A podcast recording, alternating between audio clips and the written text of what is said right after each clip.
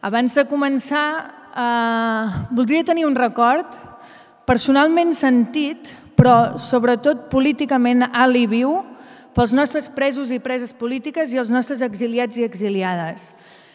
Perquè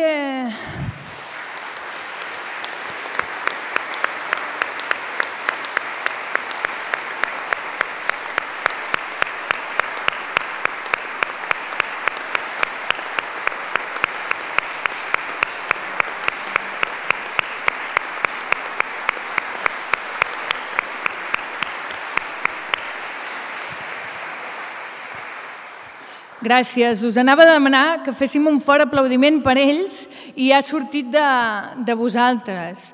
I és per fer-los arribar a l'escalf, perquè estan pagant un preu personal alt, però sobretot ens estan posant cara, estan abanderant i sobretot estan posant davant del mirall a l'estat espanyol en una lluita política que és ferma, que és persistent, que és de conviccions amb arrels i en futur i que sobretot és justa i legítima. Jo crec que hem de continuar amb aquesta ànima persistent que ells i elles ens estan demostrant des de la presó i de l'exili. Que és cert que paguen aquest preu personal alt, però ens estan donant a la nostra lluita justa i legítima aquells arguments, sobretot, que fa molts anys que tenim com a raons, però aquells arguments que tenen la capacitat de posar a tot un estat davant del mirall.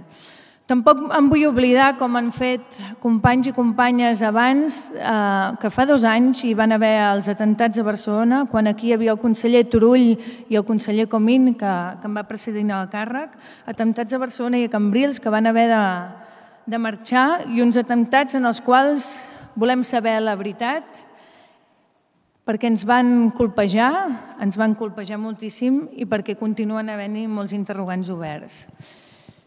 I és per tot això que ara que encetem un nou curs polític, que com els últims anys eh, que han sigut realment molt intensos, serà també especial aquest nou curs polític. A la tardor, molt probablement, amb tota probabilitat, tindrem eh, sentència al judici del procés, judici de l'1 d'octubre, judici, aquell exercici que vam fer tants milers i milers de persones de voler fer sentir la nostra veu pacíficament, democràticament, davant d'una urna, amb aquelles armes tan, tan, tan poc violentes, però tan poderoses com són una papereta i una urna.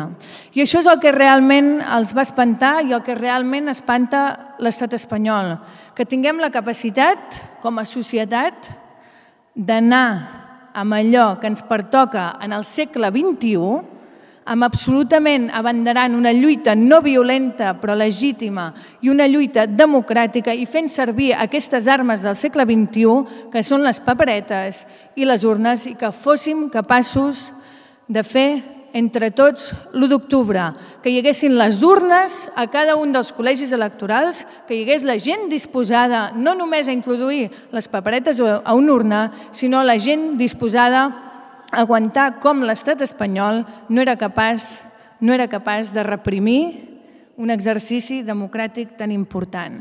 I aquest és el que, això és el que estan jutjant. No estan jutjant aquestes persones, sinó que estan jutjant aquest exercici de tota una societat. És un judici de la vergonya, un judici injust i un judici que molt probablement tindrà sentència condemnatòria. Però no vull, no vull dir una cosa sense l'altra, malgrat que sabem perquè hem vist com es desenvolupa el judici, que molt probablement tingui una sentència condemnatòria, hem de dir i hem de recordar en cada moment que la única sentència possible i digna que hauria de tenir és l'absolució de tots els presos i preses per aquests delictes que evidentment no han comès. I això nosaltres ho hem de dir a cada vegada. I quan aquesta sentència arribi, i serà molt probablement aquesta tardor, govern, des del govern, però també el país sencer i com a societat hem d'estar a l'alçada de les circumstàncies i fer una resposta amb una unitat estratègica que representi tota aquesta gent que diu enquesta rere enquesta, no només els que són independentistes, sinó molt més enllà que enquesta rere enquesta està dient un 80% de la gent, senyors de l'estat espanyol, això ha de tenir una resposta política i la gent ho ha de poder decidir i la gent ha de tenir veu. Aquesta és la nostra força que vam demostrar a l'1 d'octubre i és el que hem de tornar a demostrar amb la resposta a la sentència d'aquest judici vergonyós. Hem de demostrar tota aquesta gent democràtica que viu en el nostre país, aquest 80% de la gent que planta cara a l'Estat davant la injustícia d'aquest judici. I no ens toca altre que persistir en el nostre objectiu final, perquè al final tot això ho fan perquè nosaltres desistim d'aquest objectiu. I el que hem de fer precisament és persistir en aquest objectiu final que no és altre que la Constitució de la República Catalana. Una República Catalana que no té res de buit, que no és buida, que no és un canvi de banderes ni és un canvi de nom, sinó que hem de tenir una república plena de contingut, una república on es garanteixin els drets socials i, evidentment, civils i polítics, com no podria ser d'una altra manera. Una república justa, social i més feminista. Per què no dir-ho? Més feminista. Estem en un moment de reivindicar, i també ho fa la Universitat Catalana d'Estiu en el programa d'aquest any, que la lluita feminista no va no va deslligada de la lluita per les llibertats i els drets. Aquí tinc un bolígraf de la Carme Forcadell que diu «Escrivim el futur amb tinta lila». Nosaltres, amb la nostra persistència, tenim capacitat d'escriure aquest futur, aquest futur que té un nom ple que es diu República Catalana. I moltes persones també el voldrem escriure amb tinta lila que demostra, demostra que volem lluitar pels drets de tothom, no només pels drets de les dones, sinó pels drets de tothom. La lluita feminista també va d'això i aquesta república també estarà plena d'això. I des del govern, precisament, ens toca, en un context polític molt complicat, haver de fer front en aquesta gestió del dia a dia. Primer, a recuperar les nostres institucions que ens van treure de les mans amb el 155 i que són nostres i que ens les vam guanyar i que ens va costar moltíssim de recuperar. I ara que no les volíem més dies en mans d'aquests del 155, ni tenint com a consellera de Salut a la Dolors Montserrat, ministra del Partit Popular, vam recuperar les nostres institucions. I per què les volíem recuperar? Doncs precisament per continuar treballant per l'objectiu i per gestionar la vida de la gent, aquelles responsabilitats que nosaltres volem assumir plenes com a país com és en el meu cas al capdavant de la Conselleria de Salut, perquè nosaltres sí que treballem per tothom.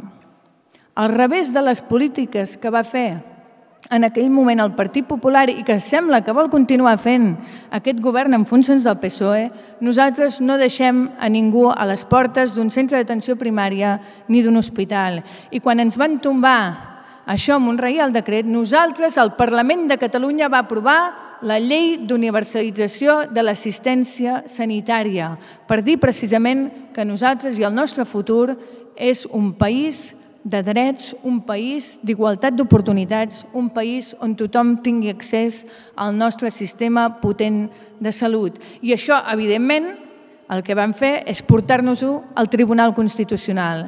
I quan va entrar aquest govern del PSOE, que ja sabíem que volien derogar aquell govern del PP, jo hauria pogut dir, escolti, doncs ja esperarem que el deroguin i ja m'emmarco en altra vegada en aquest marc legal espanyol.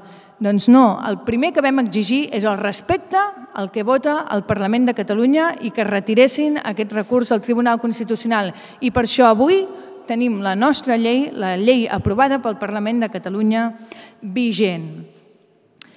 Perquè no és treballar per tothom enviar cartetes al vicepresident aragonès o a mi mateixa dient-nos que gastem molt en despesa farmacèutica o sanitària. Ells es fixen en quatre números i amb aquests quatre números ens volen retallar un dret tan fonamental com el dret a la salut. Perquè ells no en tenen cap responsabilitat davant d'aquesta ciutadania.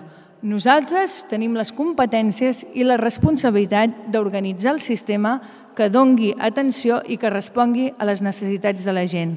La única responsabilitat que es guarden ells és tenir la clau de la caixa. Aquesta sí que no l'han cedit, aquesta sí que no la traspassen.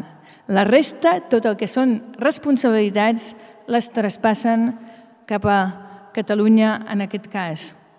I aquest és el sistema i és l'organització de l'estat espanyol que ens constreny i que no ens deixa avançar i no ens deixa continuar sent aquest motor econòmic que, com molt bé explicava ell, volem continuar sent.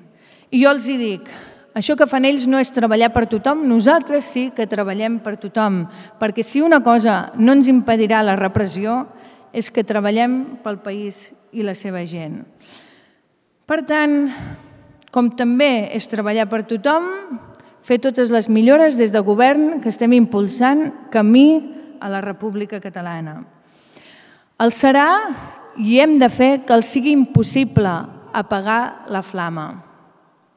Aquesta flama que mirant ara el mapa dels països catalans aquí mateix, aquesta flama que nosaltres tenim guardada al Castellet de Perpinyà, que la tenim guardada, que cada any hi ha unes persones que la pugen eh, que pugen a dalt del Canigó i des d'allà la reparteixen arreu dels països catalans perquè tinguem la capacitat d'encendre les fogueres de Sant Joan, que vol dir mantenir la flama viva a tots els països catalans. Els farem impossible que puguin apagar la flama, que és el que estan buscant. Com deia, és important ser aquí, és important organitzar cada any, ja des de fa molts anys, que heu abanderat molts debats en aquesta Universitat Catalana d'Estiu. Estem en un moment clau del nostre país, un moment en el que se'n requereix un esforç per contenir eh, la ràbia i tenir aquesta capacitat de transformar-la en persistència i com que estem en aquest moment clau del nostre país, no podem fallar i n'estic molt segura que no fallarem. Moltíssimes gràcies.